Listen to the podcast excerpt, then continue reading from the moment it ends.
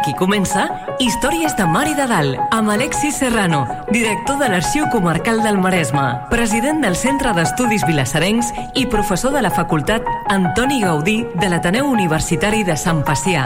Un programa sobre el nostre passat, les històries, les tradicions, els personatges i el patrimoni de Vilassar de Mar.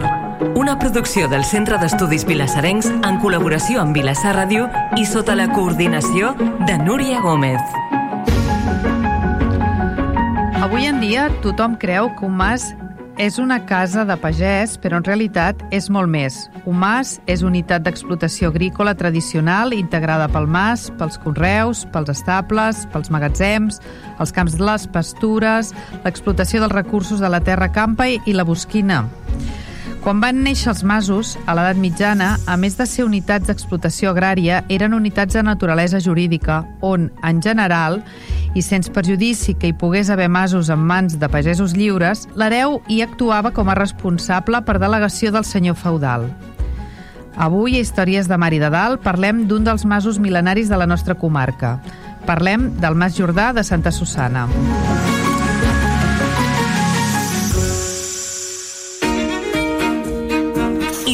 de Mar i de Dalt. Entrant en matèria. Benvinguts. En el programa d'avui parlarem amb en Pere Clarabuc sobre Mas Jordà. I l'Alexis ens podria fer cinc cèntims sobre el tema d'avui. Doncs sí, avui parlem d'un tema d'un tema que és un tema un dels temes importants quan parlem de l'edat mitjana i de l'època moderna, bàsicament, quan parlem de l'administració del territori, quan parlem de l'explotació del territori, quan parlem d'alimentació, de l'alimentació de la gent, és un tema crucial, és el mas. El mas, tu has dit, és una unitat. No és només una casa de pagès. La, la gent, si ja sortíssim al carrer, la gent es diria un mas és... i ens descriurien una casa una mica com, com la de Can Tarradellas, eh? el logotip de Can Tarradellas de les pizzas, ens, ens definirien allò i no seria una idea esbiaixada però aquell mas de Can Tarradellas és una típica masia del segle XVIII però el, un mas és, com tu deies, no només és la casa de pagès, sinó que és, és la unitat d'explotació agrària que la casa és el lloc on es viu, el lloc on es treballa, bona part d'aquestes feines on, on s'elaboren alguns dels elaborats o semielaborats, on es, es fabriquen eh, certs articles que es que es fan a partir de matèria primera, pot ser l'oli, pot ser eh, la farina, no? perquè hi ha aquests laboratoris, diguem així, no? que, es, que es transformen en productes, després hi ha zones d'emmagatzematge on s'hi emmagatzema eh, mm, eh, el fruit del camp, les gramínies, el que sigui, eh, les garbes que poden... però a més a més també el bestiar que està viu, i després hi ha un altre tema que és, allà hi viu la gent que administra tot això, que treballa tot això, famílies molt extenses, eh? ens costa imaginar, però famílies molt extenses, i, eh, però després hi ha tot un territori, un territori que, tu has dit, pot ser, són els camps, són els horts que estan més propers al mas i que es poden regar amb l'aigua del pou o de la bassa, el, el que sobreïs de la bassa, i per tant doncs, una mica de regadiu, però després terra campa, eh, és a dir, eh, terra per les pastures que hi pugui, que hi pugui haver, doncs els, els petits ramats que hi pugui haver d'ovelles o de cabres, mm, i després, eh, sobretot, una àrea més o menys extensa de bosc, que això és interessant de tenir-ho, perquè et proveeix de, de materials que es poden que es, que, que es poden eh, fer servir, perquè hi ha molts fruits que surten del bosc, no? ara mateix, a la tardor, doncs, els bolets, per exemple, però també pinyons, si és que tens pins, o aglans, eh, és a dir, hi ha tota una sèrie d'aliments que surten també del bosc, però és que, a més a més, el bosc et forneix d'una matèria primera que és extremament necessària, que és, el, eh, que és la fusta, que serveix A per la construcció, B per la, la creació d'eines, de, de moltes eines que es feien directament a pagès, no? o culleres i mm, útils, eh, diguem-ho així, de, que són eines de treball o, o, o, o elements domèstics que també es poden vendre. Eh? Els dies que fa mal dia i no es pot treballar a la terra, doncs es poden fer moltes altres feines, es poden mm. fer aquests, aquests elaborats. I després, a més a més, et, et proveeix de matèria primera per la combustió, per la combustió, mmm, bàsicament per escalfar-te, per cuinar, però també per què no, doncs, per elaborar doncs, altres, altres elements com podria ser el carbó, aquí ja n'hem parlat. Dèiem que el, el, el mas és la unitat indivisible no? de, la lògica, de la lògica medieval. És a dir, tot el territori del país estava partit en possessions agrícoles. Però un mas de per si no serveix de res si no hi té gent que treballa aquests masos. Mm. Uh, I el, èpoc, les èpoques que ens han precedits venen ma molt marcades per ara nosaltres sembla una cosa sembla que, que tots els temes hagin d'anar per allà però els historiadors fa molts anys que ho sabem tot això Mm, la demografia va marcada sobretot per les pujades i baixades, no? els fluxos demogràfics sobretot van marcats per les males anyades que delmen la població, la gent es moria de gana, mm. o bé o bé el fet de que vingués una pandèmia o una, una epidèmia, perdó, que el que feia és que s'emportava una llesca de la població. Mm. Quan això passa, és, és normal que algunes àrees puguin quedar despoblades. Per tant, quan això passa, eh, eh, queden... Eh, trossos de terra eh, masos que queden deshabitats és el que coneixerem, sobretot a partir de la pesta negra com els masos rònecs, aquests masos abandonats que no treballarà ningú què passa quan, quan els masos queden despoblats? Doncs que els, els, els feudals, que som, si són propietaris, els feudals busquen algú altre que els treballi i si són eh, de pagesos eh, lliures, doncs eh, els acaba comprant algú altre, que pot ser un, un pagès eh, lliure o pot ser un senyor un senyor de domini, eh, pot ser un, un domini eclesiàstic, pot ser de domini, de domini laic, no? un senyor feudal. Normalment la, la les propietats tendeixen a concentrar-se no, no, és, no és que sigui únic i exclusivament d'ara això tendeix a ser així el, un tema important un tema important és és a dir, aquesta propietat jurídica, aquest mas, com passa de pares a fills. És importantíssim que quedi marcat qui és l'hereu. Quan els masos són lliures, és a dir, que no tenen servituds de domini amb un feudal, sigui eclesiàstic, sigui laic, mmm, és important saber quin dels fills del, del, del pagès, de l'amo, del propietari, serà l'hereu. Mm. Llavors s'ha d'instituir l'hereu i s'ha de pagar, amb el dret civil nostre tradicional català, s'ha d'establir eh, que, quina és la compensació que es durà, quines són les legítimes que rebran els altres, els altres hereus. En el cas que no hi hagi hereu, la pobilla, per tant l'estructura de l'hereu o el pobillatge, no? que el que fa és que la propietat no es, no es trenqui, és a dir, cada vegada la propietat es pot anar ampliant, però la idea és que no es vagi fragmentant, perquè quan es fragmenta molt la propietat, arriba un moment que aquestes propietats no alimenten a ningú. Mm. Altres territoris de la península ibèrica, per exemple, la lògica és l'oposada. Mm. No és la de mantenir la propietat sencera, sinó d'anar-la tens tres fills, doncs la parteixes a tres. Bé, la primera generació encara campa, però al cap de deu generacions mm. les parcel·les són ridícules, ningú pot viure amb això i la gent ha d'emigrar, se n'ha d'anar a Amèrica, a l'Amèrica Llatina, no? Uh, dèiem que és important el testament en aquests pagesos, eh, diguem-ho així, eh, lliures, no? Sí. Són les famílies alueres. I després tenim eh, l'altre extrem, no? els, els pagesos que no són lliures, els, els, els, els pagesos que treballen als masos que són dels feudals i que d'alguna manera doncs, estan obligats a mantenir aquest treball de per vida, de, de per vida no, no, no de per vida del pagès, sinó de, de, eternament, diguem-ho així, sí. que quan tu et moris, tu hereu et moris, has de deixar instituït un, un hereu que es cuidarà d'això. Si no has fet testament, i no has fet testament i no queda clar qui és l'hereu, el feudal pot reclamar que el teu fill pagui el que s'anomena la intèstia, que és una mena de, de, de, de, doncs, doncs de, de multa per no haver fet testament i no haver la pagues tu perquè el teu pare no ha fet testament, eh? Clar, el mort no paga res, eh? Uh -huh. Un cop és mort ja no paga més. I, per tant, tan, tan important la figura del, del testament i de l'hereu. I això fa que a casa nostra tinguem, tinguem unes grans possessions eh, agrícoles acostumen a ser bastant extenses i al mig d'aquestes possessions hi trobem aquestes cases de pagès que com la gent té aquesta idea no? de Can Tarradellas no? Mm. o, o, o del caserío que veiem doncs, el, en els logotips podríem parlar de mil masies, 3.000 o 4.000, no sé quantes deu haver en el nostre país. Hem anat a triar una propera, a Santa Susanna, però que és un exemple de masia de masia de família eh, aluera, no? de pagesos que eren, que eren lliures, però el fet de que siguin lliures no vol dir que siguin necessàriament riquíssims. estem parlant d'una família doncs, que durant molts segles va, Déu i ajuda, va tirar endavant la propietat, però que a dia d'avui encara està en mans dels seus mm, centenaris propietaris no?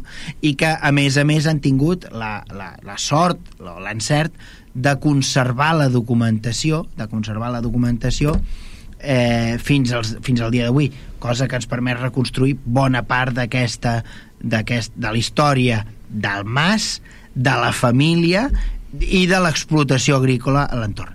I per tant avui hem volgut convidar a en Pere Clarabuc que és Eh, el, el darrer hereu del Mas Jordà, bueno, el darrer, l'actual hereu, l'actual hereu i propietari.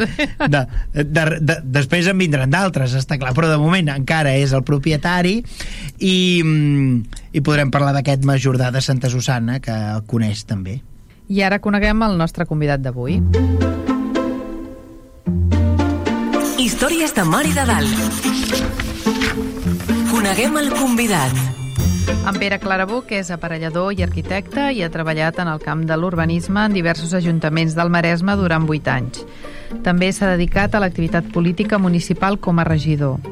És propietari del Mas Jordà de Santa Susana. La seva família vivien en el mas i treballaven als camps, les vinyes i el bestiar.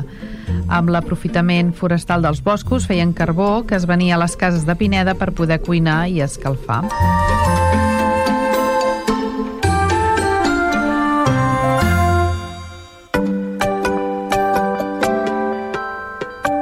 Benvingut, Pere. Moltes gràcies. Hola. Parlàvem de que és un, un mas amb moltíssima història. Quanta? Des de quan? és que Can Jordà mm, té una prèvia abans de ser el Mas Jordà. És que eh, cal explicar-ho perquè mm, si no eh, ens enganyaríem. El Jordà eh, consta que estava en aquella zona eh, des del segle XII i estava, com s'ha dit abans, eh, en unes terres que eren del monestir de Sant Salvador de Breda. Val. Per tant, eh, el primer Jordà, sí. que nosaltres fins ara tenim constància, és la, primera escritura que tenim, ja que eh, aquest Jordà que des de... El, de fet, ell es va morir el 1227. Eh? Però aleshores eh, els que anaven enrere de tots els familiars van anar visqueren allà i treballant com s'ha dit, treballant les terres treballant doncs eh, el bestiar que tenien eh, tot. Però eh, és una mica mm, una cosa diferent el que va passar. És a dir, al costat mateix del, de, de, de l'antic Mà Jordà hi havia una casa de la noblesa de noblesa doncs, mm, no d'alta noblesa sinó de mitja noblesa mm. que era la casa del, que en deien del, del Pineda però va anar passant de diferents generacions però en deien de, del senyor de Pineda i aquests senyors... Estem parlant de, de cavallers. De cavallers. Sí. No, no estem parlant de nobles, nobles, estem parlant d'aquell rang més baix de la noblesa, que són els cavallers. Són aquells que es poden permetre de mantenir un cavall i la panòplia, és a dir, l'armament, cosa que els permet que de vegada que el feudal crida a, a, a, o el monarca crida a hosti cavalcada, doncs poden presentar els seus serveis i participar de la guerra, mm. i això re, port, reverteix beneficis. Doncs aquí tenim un, un tal Ros de Pineda, no?, que era propietari, que vivia allà, que vivia a la, el que ara coneixem com l'actual Mas Jordà, mm. no?, i, i allà vivia aquest Ros de Pineda. Seguim. És així però mm, ho dic perquè eh, aquesta casa de, del Ros de Pineda era una casa molt petita, és a dir, és el que se'n deia casa-torre, amb torre de defensa. Mm. Eh? Eh, torre de defensa que, que eren amb quatre plantes, que, que està molt bé bueno, expliquem només uh, un resum de dir què va passar amb aquesta família que va arribar sí. al segle XV i, i estaven plens de deutes uh, per, per tots costats, vaja. I aleshores es van haver de, haver de vendre la, la casa aquesta per primera per pagar deutes i ves per un, el Jordà, que estava allà al costat, amb aquesta mm. casa que hem parlat abans, depenent les terres del monestir de Breda, doncs el Jordà va tenir prous diners com per poder-li comprar eh, aquesta casa. Però aquesta casa no era una casa agrícola, no era una casa de pagès, o sigui, hem de tenir en compte que era... Era la casa d'un cavaller. Eh, una torre. D'un cavaller. Era una casa, una, bueno, una- Un cavaller. Sí. Llavors, el, el 1414 eh, va ser quan es va produir aquesta compra i el preu que es va pagar per la casa aquesta del Noble era de 137 lliures 137 lliures bé, mm, a partir d'aquí sí que aquí ja comença realment el Jordà eh, eh, a implantar-se de ple en, en aquesta casa o sigui, va, anar, va abandonar la- L'anterior- casa que tenia Que seria l'inicial major, eh? Exactament, i es va posar de ple en aquesta casa, però com passa sempre que eh, un, un pagès necessita eh, moltes coses, el que s'ha dit, dependències, espai pel bestiar, etc. Llavors van començar a venir les ampliacions d'aquesta de la, Can Jordà. Can Jordà és una casa que no té una unitat eh, com potser altres cases que, que, que estan fetes des del començament i ja pensades com a unitat agrícola, sinó que aquestes li han anat fent afegitons, am- a- no? Ampliacions i més ampliacions al llarg de... d'un creixement de orgànic Sí. a, a mesura de les a, a necessitats. mesura de les necessitats s'han anat fent això. Llavors, primer de tot, eh, van fer una ala, eh, una ala eh, que en diguem a la dreta, que és on hi tenien el bestiar. Hi tenien els cavalls, les vaques i els porcs. Llavors, aquest espai, a sobre també hi tenien les habitacions, tres habitacions. Això va ser la primera ampliació que això ja els va permetre doncs, de, de poder entrar ja a, A viure, no? A, a viure i, i tenir doncs, ja el bestiar controlat, Això, etc. això és el que es fa sempre, les Sí. habitacions a dalt de la, del bestiar perquè l'escalfor del bestiar puja. A dir, per aprofitar Record- l'escalfor. Recordem que al segle XV és quan es comença a refredar el planeta. És allò que s'anomena la petita edat del gel, comença el segle eh, a partir del segle XIV, de fet, segle XIV, el segle XV, el XVI, el XVII i encara el XVIII és allò que coneixem com la petita edat del gel. Eh? Entre el segle XIV i el XVIII, la petita edat del gel. Sempre, sempre dic el mateix. Penseu que eh, feia tant de fred que a, a, a París eh, gelava el Sena a Londres gelava el Tàmesis. I sobre el Tàmesis es feia un mercat. O sigui, estava tan gelat el riu que a sobre s'hi feia un mercat eh? Vull dir, eh, feia fred, fred eh? i un fred sense comparació. 1713 en ple setge de Barcelona gelen els dos rius de Barcelona a la desembocadura, el Besòs i el Llobregat gelen a la desembocadura. Feia un fred vull dir, no és una cosa menor, per tant, és normal que, que els habitants de Can Jordà construïssin, com a moltes altres masies, les habitacions on, on es dormi, on es, feien el, eh, on es feia una mica de vida, mm. doncs era sobre, a sobre de, de, de, de, de, Clar. de, dels estables. La major part de la vida es feia a l'entorn del foc o bé a les habitacions es anava a dormir a molts llocs, a molts llocs d'Europa hi ha els museus aquests típics de les, de, dels pobles Sí. eh, no és només un petit comentari, que hi ha habitacions que són, bueno, són uns armaris que hi havia al matalàs i la gent es tancava dins. Es tanca, era un armari de fusta que hi cabia el matalàs i tu entraves i tanca, Et tancaves. tancava les dues finestretes i quedaves dins del llit. Bé, bé, tant de fred que, que per no, per por de morir congelats, la gent es tancava dins unes caixes de fusta dins del matalàs. Eh? Això no ho tenim massa documentat aquí a Catalunya, però sabem que algunes cases, eh, de fet ho, ho recordem, algunes cases nobles que tenen aquells dosers que, que tenien que de fet era una habitació dins de l'habitació, perquè clar, feia tant de fred. Eh, en canvi, els pagesos, eh, si poguérem anar al Mas Jordà al segle XV, veuríem que a les habitacions hi dormia molta gent. Mm. Molta gent Sí, sí. junta, a la mateixa habitació. Però també cal eh, dir que eh, pujava molt l'escalfor de, Sí. de, de les Del- quadres no. cap a dalt perquè eh, els sostres realment eren només les vigues i, i, una, i llates.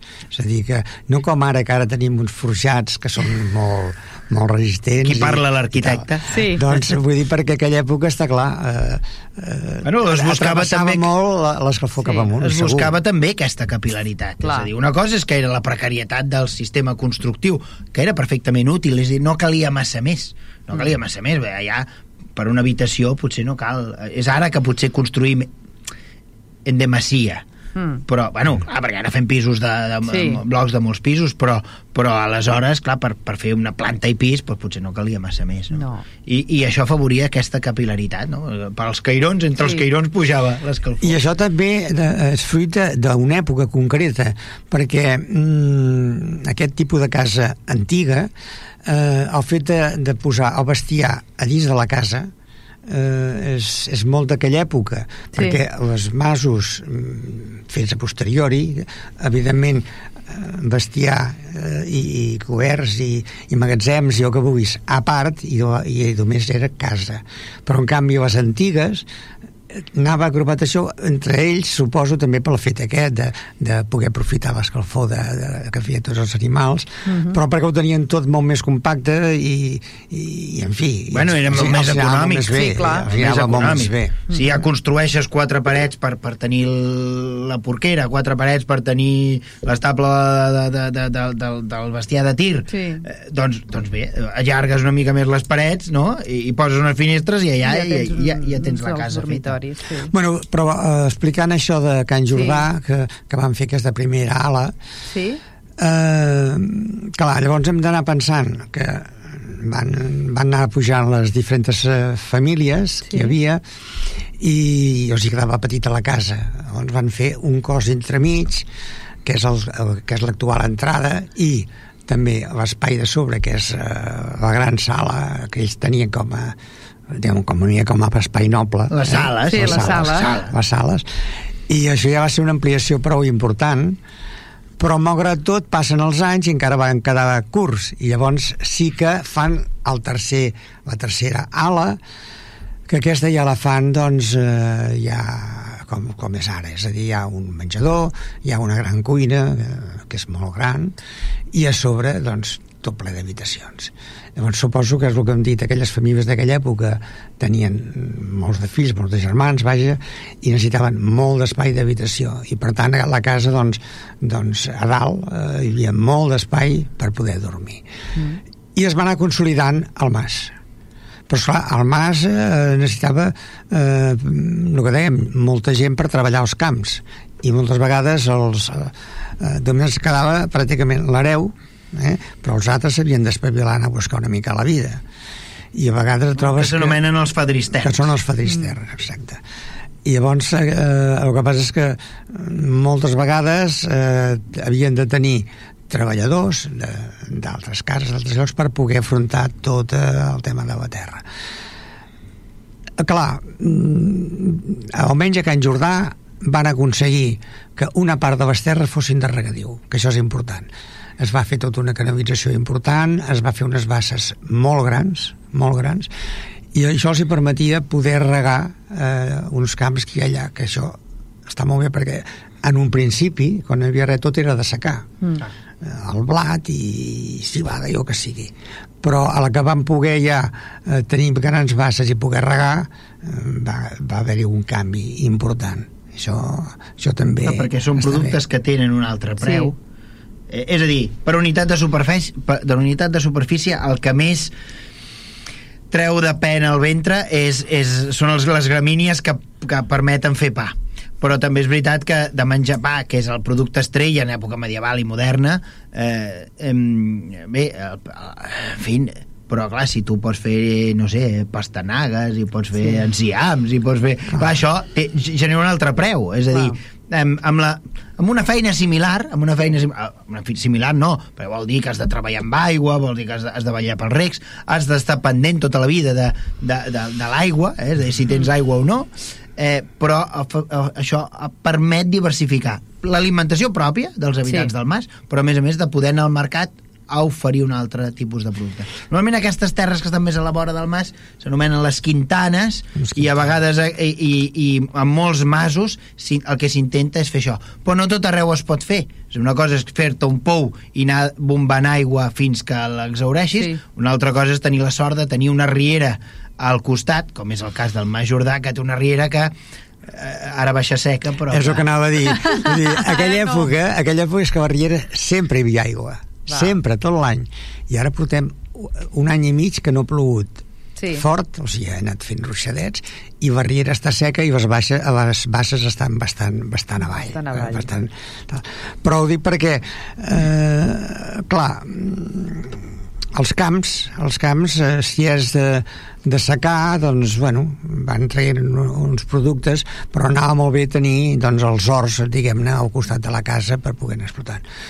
Recordem que aquella època sempre havies de tenir eh, un cavall potent o un, o, o un Macho. bou, un matxo bo, per poder llaurar, per poder fer després clar, eh, també, bueno, les vaques eh, per la llet i per tot plegat, no? Eh, però, clar, tenien estava, tenien de tot a les cases de Vesca, és curiós, vull dir, gallines, conills, ànecs, eh, ovelles, és a dir, eren unitats completes eh, a tot nivell, eh, i llavors, per tant, a nivell productiu, doncs, bueno, se'n podia viure, autoviure, perquè pensem que en aquella època tot era molt eh, era molt simple, vull dir, no, no, no anaven grassos, no? però bueno, vull dir, així. Home, però el fet d'estar en un lloc en què podies tenir verdures eh, fresques, mm. tenies aliment, animals diversos i després tenies gra i tal, i de més a més també hi ha un molí, no? Tot això ara en parlarem, però vull Val. dir, eh, el que queda clar és que el mas anava funcionant i a més a més del mas també hi havia boscos que el bosc és un element més també de, de les cases de pagès que normalment quasi totes tenen una part de bosc i del bosc també eh, eh, se'n treia bastant de profit aquella època mm. eh, l'altre dia vam parlar de, del carbó però és que pensem que eh, l'alzina també es, es venia com a llenya els pins El suro. el suro, la pell eh, És que tot s'aprofitava. tot s'aprofitava Sí, tot pels forns de, de pa doncs les feixines Tot, tot, tot, tot. Eh, del bruc eh, tot, és a dir, que era un complement important i per tant doncs també eh, al parlar de- d'un mas complet vol dir parlar de, de bestiar, parlar de terres, de secar i regadiu i parlar de boscos. I això és, és el que realment donava entitat a, a, a, tota aquesta I això, unitat. multiplicat per N masos repartits per tot el territori del país, implica un aprofitament de tots els recursos Sí. A tots els llocs. Mm. És a dir, perquè clar, estem, hem, agafat, hem, obert, hem agafat la lupa i ens hem anat a la, a la vall de, de, de, Santa Susana, de Santa Susana i hem anat a mirar el Mas Jordà amb les seves Sí. hectàrees de camps, etc bosc, però clar, això ho hem de multiplicar per tot el país, perquè tots els pagesos eh, treballaven la terra, tots els recursos per necessitat, eh? no és que eh, per necessitat ho havien de fer, Mm. però això és ecologia avant la letra. És a dir, la idea no era anar al mercat i comprar de tot. La idea era al contrari, és anar al mercat i vendre el que es pugui. Sí. I per tant, eh, d'entre tot el que es produeix sempre es mira de fer un excedent que pugui anar al mercat. I si, i, i, i si, fas, si pots fer conills, i si pots fer eh, pollastres, sí. i si pots fer mm, eh, qualsevol... Com més fas, una cosa és, bueno, una part te l'has de menjar tu, Sí, una part és per tu. una part és per tu, perquè has d'alimentar molta gent, perquè a una masia hi viu molta gent, no només la família del pagès, vull dir, són tots el, els atlàteres, eh? Mm. eh? I després tenir present això, intentar buscar la manera de fer un, un excedent, el màxim excedent possible, per anar al mercat i tornar amb algunes monedes perquè després s'han de pagar tributs, s'han de pagar taxes, a partir d'un cert moment cada vegada més, eh, cada vegada més, i òbviament això s'ha de pagar amb diner. Per tant, el pagès, d'alguna manera, eh, eh, també, també no deixa de ser un empresari. Mm. No, ja abans ho has dit, és una casa a l'Oera que implica doncs, no dependre de cap, de cap eh, senyor directament. Eh? Vull dir, tenia, tenia una sèrie d'avantatges importants. Però cada vegada que havien d'anar al notari i d'escriptures notarials en el fons de Can ha- Jordà n'hi ha ha, molts. una, ha moltes, doncs s'havia de pagar i el notari cobrava, acostumava a cobrar amb diner i per tant aquests diners s'havien de fer d'alguna manera per tant Clar. està clar que els, que els pagesos s'espavilaven en a vendre els seus excedents que potser els venien els propis veïns eh? tampoc, mm. que tampoc cal pensar anar- una gran lògica comercial Mm. mm. si tens un mercat a la vora bé i si no doncs t'esperes que hi hagi alguna fira i això però que si no, normalment, doncs, bueno, si, si el, jo ara tinc conills i el veí no en té, doncs mira, Ja, el, el, el, el veí té pollastres i ara no, No en tinc, sí. perquè clar, ta- també la producció va una mica també en funció i, i, és molt, i és molt delicat és molt delicat, la gent de pagès ho sap, no? Jo, jo me'n recordo quan estiuejava a Tordera, una casa de pagès, eh, venia, venia un, un, un, un, una malaltia als conills i s'havien de sacrificar tots. sí. I ja no tenies conills, ja, fins l'any que ve, i, ja, i l'any que ve ja en no parlarem, no? I, I això passa, no? I per tant, doncs, de, davant d'aquesta situació, hem de pensar això una economia molt, prega, molt precària, molt d'auto- d'autoconsum, Mm. però, òbviament, sempre buscant la manera de, de sortir-se'n. Eh, I val a dir també que eh, aquesta casa, com, com moltes, però aquesta, eh, eren autosuficients amb tot i s'ho feien pràcticament tot. És a dir, començarem per parlar primer del, del molí fariner. Val? El molí fariner no, no ho tenen totes les masies. Llavors, aquí va passar que quan aquesta casa primera que hem parlat abans, de la Noble, doncs la del Roger de Pineda, doncs ell eh, va pensar, mira, aquí fa falta un molí, però no només per Can Jordà, sinó per totes les cases de allà de la vall.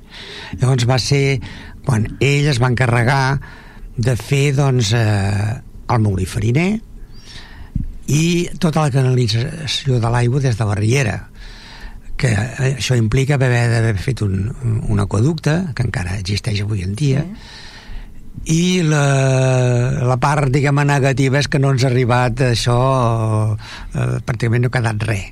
Per sort vam poder fer excavacions vam poder trobar eh, una mica on estava situat eh? Bueno, la part construïda, la part, la part dir, construïda. eh, per sort eh, Està clar que l'estructura de fusta... Sí, això és no, tot això ja, ja, ja, ja no ha sigut possible però sí que eh, això ens porta a dir que també es feien de, del blat en feien la farina i llavors totes les cases de pallers això sí que totes ho tenien era tenir el forn el forn gran, maco Sí. que és el que servia per fer-se el pa el pa i coure de tot però vull dir, el pa que es feia per la setmana diguem-ne Sí, no, no es feia cada dia. No. doncs això ja és una de les coses que tenien eh, els masos, poder-se fer el pa, que és molt important. Però també hem de pensar que mm, també a a menys a Can Jordà existia el molí d'oli. Val. Això vol dir que en aquella època també hi havia moltes oliveres i ells mateixos es feien l'oli. Eh, això encara hem pogut trobar bastanta cosa del, de, de, de la part de, de l'oli, que hi ha eh, el molí, hi ha els diferents cubs, eh, eh, tota la part de, de... Ens falta la premsa, o sigui, la premsa Un també... altre cop, la fusta. La fusta també ha desaparegut. Però bueno, hem intentat de, de refer una mica tot allò i comença ja a tenir entitat. És a dir, que potser sí que algun dia trobarem mm, un, una premsa adequada i podem deixar allò bastant, bastant complet. O sigui, la part d'oli està molt bé, però és que mm, hem de pensar, un altre dels elements d'aquella època és que molts d'aquests llocs, a part de bosc, eren vinyes. No com ara que tot està cobert d'arbres. Eren vinyes. I eh, el Jordà, com no podia ser d'altra manera, doncs també té eh, tota la part de, de, de la producció del vi. Eh, té els cubs, té la premsa, eh, té el celler, bueno, té tot. És a dir, i el vi també era molt important era molt important i segur que en venien molt a fora perquè almenys pel tamany del, del celler i la quantitat de botes que, que allà eh, estaven guardades doncs bueno, això era era molt important Al segle XIV passa una cosa, torno a la pesta negra. La pesta negra genera un impacte terrible, és a dir, delma la població, en algunes zones a la meitat, en algunes zones a dos terços, és a dir, vol dir dos terços, vol dir que si ara vingués la pesta negra aquí, dos dels aquí presents desapareixerien, jo no diré aquí, però vull dir, si comptéssim, si comptéssim, desaparèixer dos terços vol dir No, dos, no, de- sí, dos de cada dos- tres, dos de cada dir tres. moltíssima gent. Mm. Què passa l'endemà que- de- d'aquesta pesta negra? Clar, fins a la pesta negra cada vegada havíem de, de roturar, rompre els camps, no? és a dir, tirar els boscos avall, eh, convertir els camps en llocs per produir blat, eh? perquè hem dit que el blat és el que més treu de pena als ventres de la gent, per tant, Sí. de fer molt blat, molt blat, molt blat. Però d'un dia per l'altre la població és o la meitat o menys. Sí. Vol dir que no cal fer tant de blat.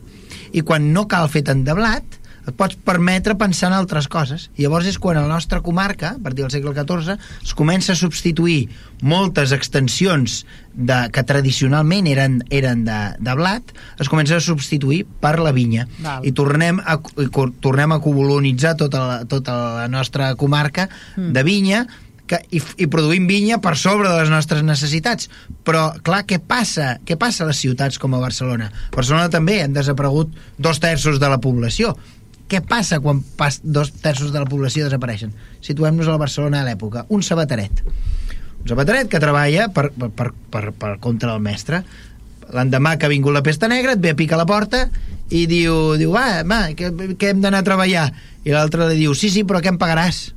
i diu, vull cobrar el doble i diu, ah, no t'ho pensis, me- me'n vaig a buscar un altre però quan piques a la porta, quan ets l'amo de la sabateria piques a la porta i els- i, i el- i l'altre aprenent de sabater s'ha mort, l'altre també, l'altre també i només te'n queda un per força aquell li acabes pujant el, el Clar, salari no et queda un altre. veiem com, veiem com els, els gremis fan pressió, les corporacions fan pressió als ajuntaments perquè posin salaris màxims però malgrat això els salaris acaben pujant perquè eh, tu pots negociar de moltes maneres val? el salari serà aquest però tu em posaràs al llit i dormiré a casa teu o, i per tant ja estic fent un estalvi perquè no pago lloguer de, de casa Sí. o bé eh, em pagaràs això però a més a més tindré dret a que em posaràs el plat a taula eh, dinar i sopar. Per tant, estàs fent, d'alguna manera, es vulgui o no, els salaris pugen. Quan els salaris pugen, aquest sabateret eh, treballa, fa les mateixes hores que feia abans, però si li han pujat el salari vol dir que eh, al final de mes troba unes monedes a la butxaca i quan troba unes monedes a la butxaca el primer que fa és a la taverna a consumir i veiem com el consum del vi puja als estels. Però com que se li segueixen quedant diners la mestressa que fa? va i compra carn. El consum de carn puja als estels. Com que ja no tenim aquestes extensions dedicades al gra aquell que veu com funciona la pel·lícula el que fa és començar a produir més bestiar llavors el, eh, comencem a tenir la substitució, és a dir, part d'aquests camps de blat es converteixen en vinyes i part d'aquests camps es converteixen en terra campa per al bestiar, per produir bestiar. El, comencem a veure a partir del segle XV una proliferació de carnisseries a tota Europa, eh? No només de carnisseries, de carnisseries, d'elaboració d'embotits, i una altra cosa que es deriva de la, de, del fet de tenir cada cop més bestiar, que és que de vegades es generen més formatges. Aquests formatges nacionals, eh, els manxecs de Castella, o eh, aquests formatges que són nacionals, eh, neixen tots en aquesta època perquè eh, es fan d'alguna manera en algunes regions, no? el, el, forma, el tipus de formatge és aquest. Tot això passa en aquest, en aquest moment i el Mar Jordà té una llarga trajectòria que, li, que, que, que òbviament és un observatori també d'això. Veus com a partir d'un cert moment hi ha una substitució i aquest trull i, aquesta, i, aquesta, i aquest molí fariner d'alguna manera són, són l'herència d'això però aquest in, enorme celler és eh, és la marca de la segona fase, d'aquesta Sí. segona fase. Una altra cosa molt interessant de, dels molins fariners és que en època medieval els feudals intenten obligar que la gent que només hi hagi molins als castells Ah, i que la gent hagi d'anar a moldre al castell o bé al molí, el molí que sigui del moliner de, de l'amo. Per això a la literatura europea el moliner és sempre sinònim de- d'estafador, de, de lladre, de gent que et posa arena al sac de la Ai, farina sí. i, i, i d'alguna manera... Eh? eh? I això a la literatura és ple, no? El moliner és una persona en fi, eh, que acumula tots els mals.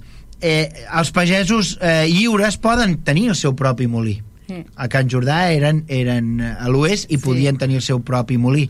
Però ai dels altres pagesos que anessin a moldre a Can Jordà, que Sí, si però- no eren lliures no ho podien fer, eh? El que eh, nosaltres eh, pensem és que quan eh, la casa del Ros de Pineda, la casa noble, eh, se m'enemborris, és a dir, quan s'ho va haver de vendre, eh, mm, 1414. Exacte, hi havia tota la part de, de molins en funcionament, però crec que a mica a mica van deixar ja de funcionar, perquè no és el mateix el noble que ho faci per tots els veïns de la vall que només per fer-ho per, casa, per la casa pròpia. Eh? És a dir, aquesta casa del Majordà eh, va anar fent, va anar vivint eh, i treballant terres i camps i tot plegat, però va passar dues coses que de vegades ho heu dit aquí vosaltres és el tema de la vinya, la filoxera, ho s'ho tot, mm. tot fora. I el tema de les produccions agràries, a veure, Santa Susana té un pla molt maco, molt important, i, igual que tenia eh, la part de Palafolls, que ara és Magrat, i, i cap a Calella ja no, però el que és Pineda i Santa Susana i Magrat, que eren uns camps que, que, que era una preciositat, en tiraven mm. molt bé, tenien tanta que com volien i tot plegat. I llavors què va passar? Que va a casa de pagès només era tot per, per subsistència seva, sí. i bueno, mm, ja, ja, ja no tenien tant aquesta aquesta importància gran i mm, ja el meu pare, bueno, ja l'avi ja van deixar des de la casa en si i van comprar la casa Pineda.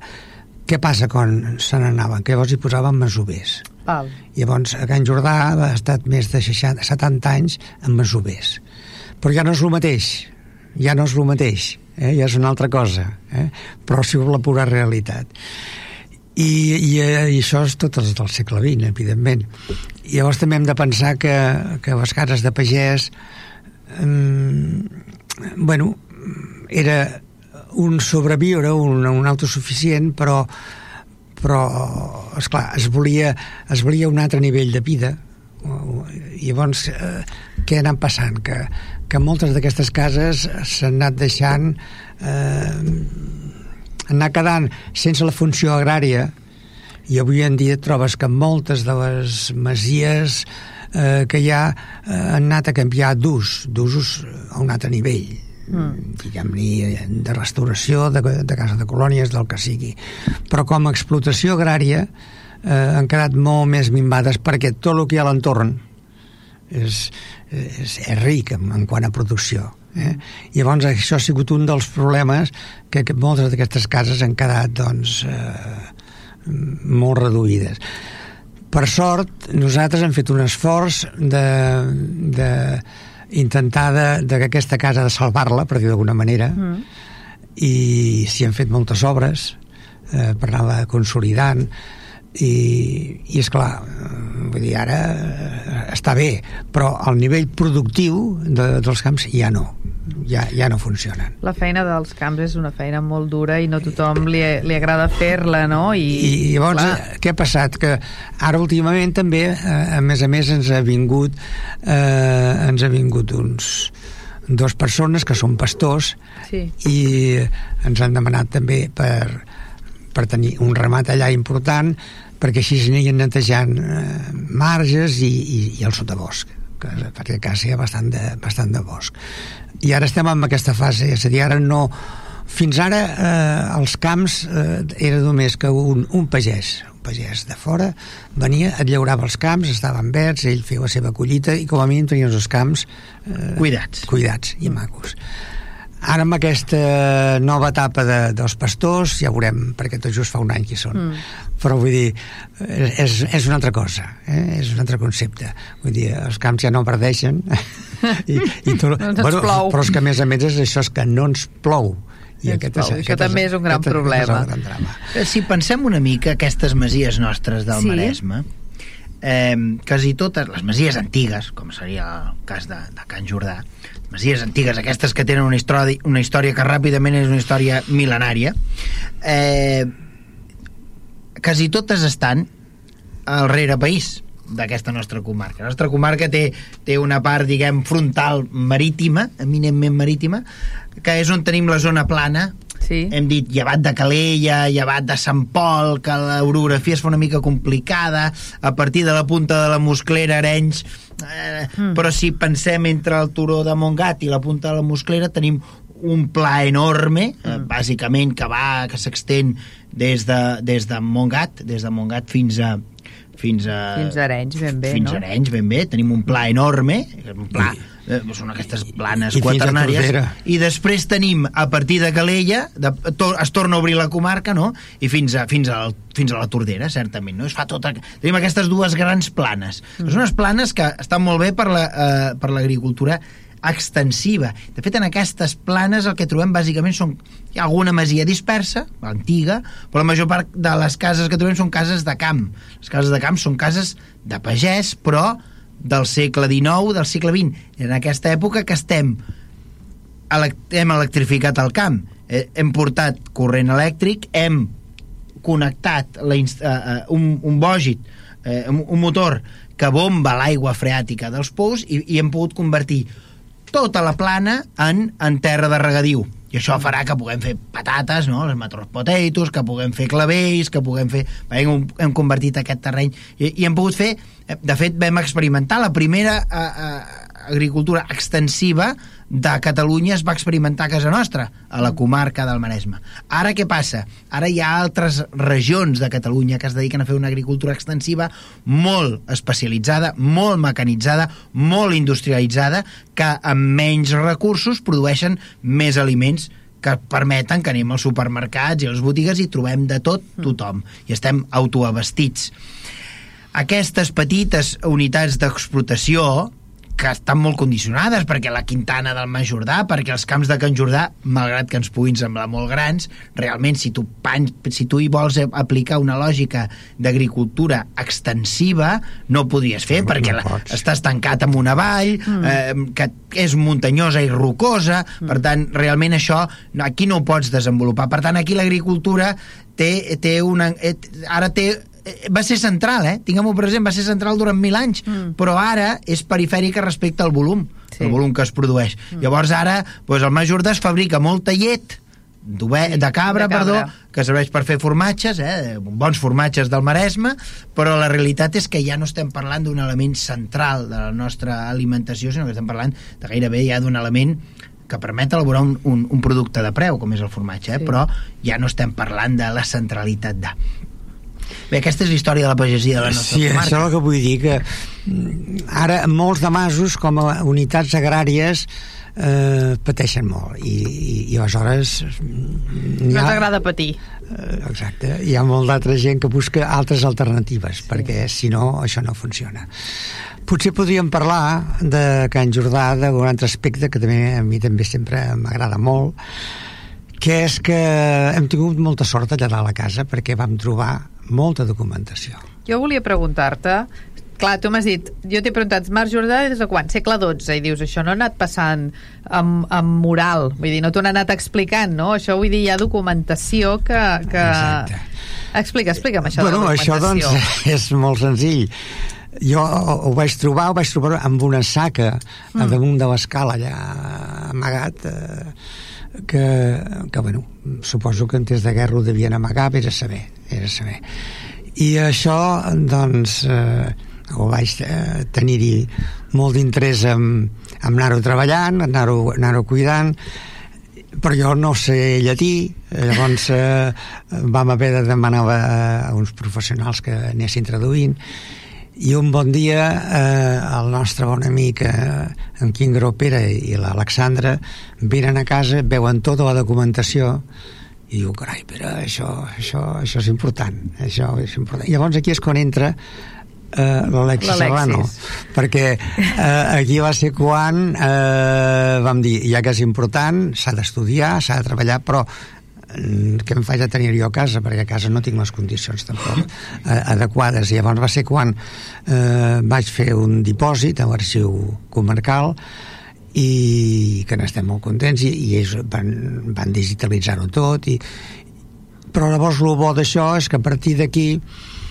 els tres persones que he esmentat van començar a fer la història de Can Jordà però és que a més a més hi ha la segona part que és, que, que és l'altra troballa també important que va ser quan eh, portant precisament l'aigua des del pou que està situat en un camp molt lluny, l'aigua portar-la fins a la casa, al fer l'excavació per pujar la canonada d'aigua cap amunt.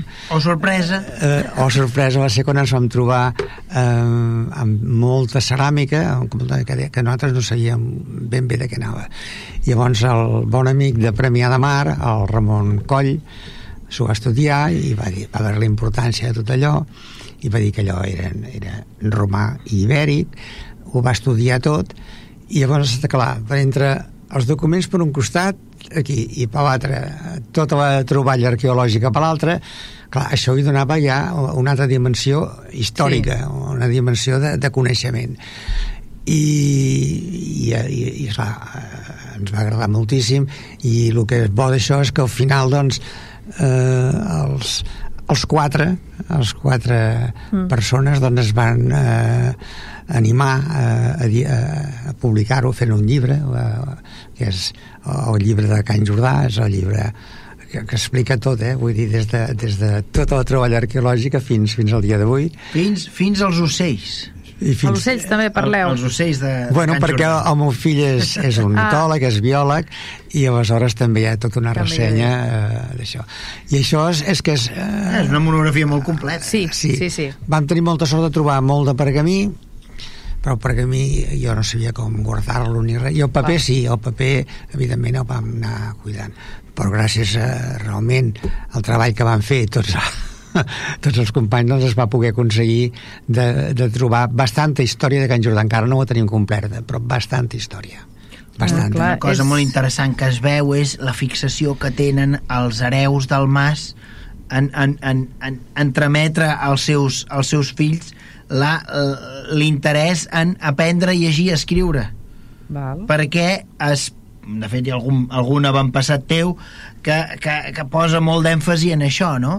Que aprenguin a llegir i escriure alerta, els pagesos no anaven a, a l'escola ni a la universitat, no. anaven a, a que el rector, normalment els rectors, el que els fills dels caps de casa ensenyava els rudiments de llegir i escriure eh, jo m'imagino que els teus avantpassats anaven a, a la parròquia de, de, de Pineda i mm. el rector de Pineda els ensenyava als caps de casa, eh? no, no a tots, eh? no. eh? els ensenyava els rudiments de llegir i escriure. El que havia de saber-ne suposo, no? Sí, que sí. era l'hereu al final, no? El que vi... Sí, però és una cosa, és una cosa important, perquè moltes no, no, vegades no, moltes sí. vegades es pensa que, en fi, la cultura, eh, no? però, però ho veiem, que en època finals de l'època medieval i a l'època moderna, mm. a, a, vull dir, els pagesos aquesta concepció que deia que una mica que, que el pagès és una, és una mica un empresari d'alguna manera eh, n'eren conscients no es consideraven empresaris burgesos de les ciutats, però, però eren conscients de que a les seves esquenes ja veia una gran massa que era primer la família i després tots els treballadors del mas, perquè hi havia moltíssima gent treballant a, a, en un mas. Eh? Ho heu,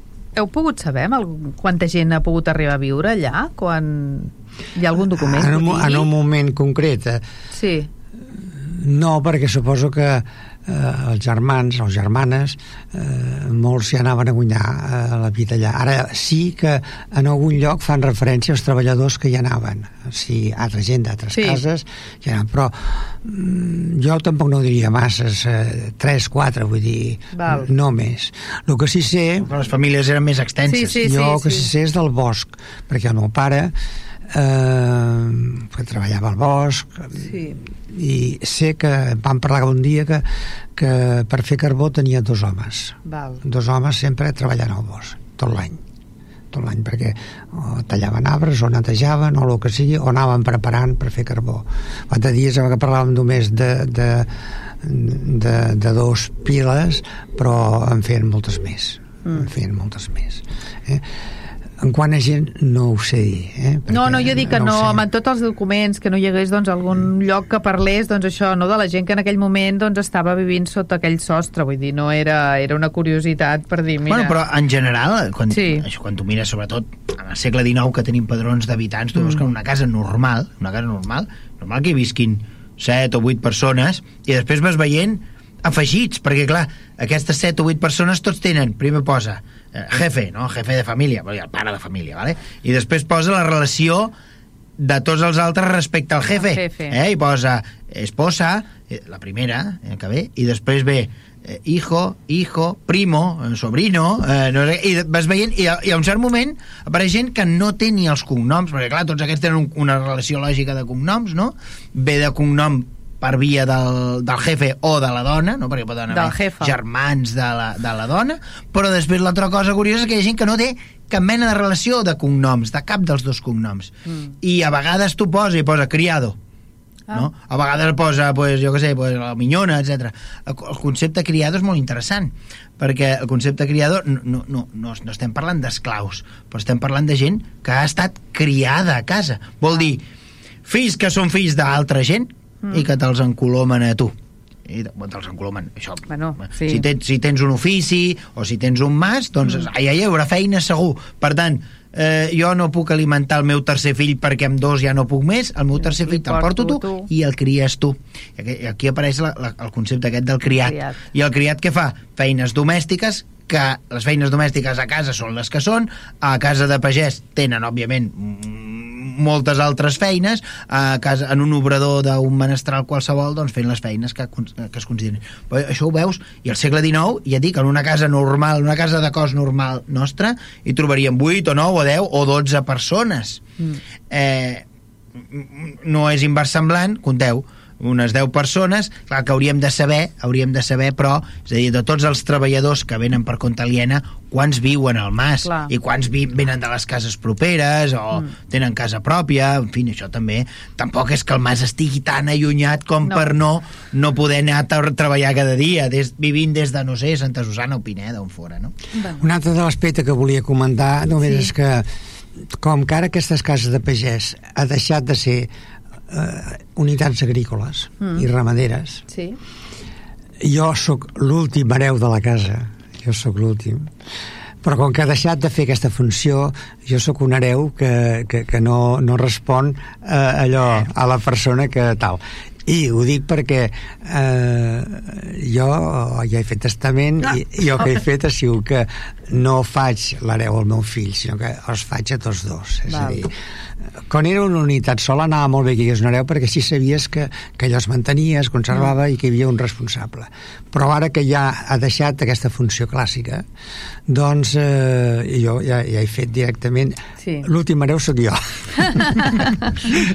I per tant els fills ja no Bueno, seran hereus tots Sí, dos. exacte. són tots dos, hauran dos exactament, hereus. però és un altre, ja és un altre concepte. Sí. Eh? Uh, volia explicar una cosa, si hi ha temps, volia... Tenim molt un minutet. Doncs és, Amb un minut és, no tens és molt prou? fàcil, sí. Sí? Que gràcies a aquella eh, troballa arqueològica que van fer Sí. eh, fa anys, Sí. fa 30 anys, eh, ara últimament eh, hem continuat amb aquest camí de fer història arqueològica Sí. i ja portem 5 anys eh, excavant a la zona aquella que va sortir aquella ceràmica i això doncs eh, és molt important per Santa Rosana perquè d'alguna manera ja no comença la història en el segle X-XI sinó que comença al, al segle II abans de Cris i clar, i tenir aquesta informació i aquestes dades això ens fa molta il·lusió perquè estem treballant tot aquest, tot aquest tema. Molt o sigui que a part de que per la història doncs ja a l'arxiu comarcal tenen tota la documentació i es Sí. pot consultar i, i es pot anar fent història però la, a, a nivell de història molt més enrere eh, doncs tota la part arqueològica és, ha sigut molt, és important i, es, i estem en aquest camí En parlarem més endavant d'això, doncs. doncs endavant Moltíssimes Quan quan gràcies, vulgueu. Pere. molt bé Hem arribat al final del programa. Recordeu que podeu tornar a escoltar el programa a través de vilassarradio.cat i a Spotify buscant històries de mar i de dalt.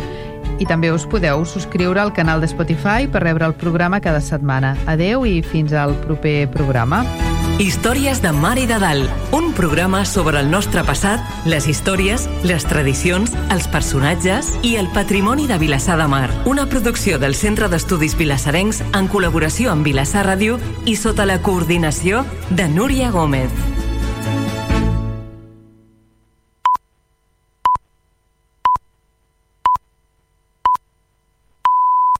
Vilassar Ràdio són les 10 de la nit. Passaport, càmera de fotos, ulleres de sol... Pots deixar-te qualsevol cosa, però els teus drets sempre viatgen amb tu. Sabies que si el teu vol es cancela tens dret a una compensació econòmica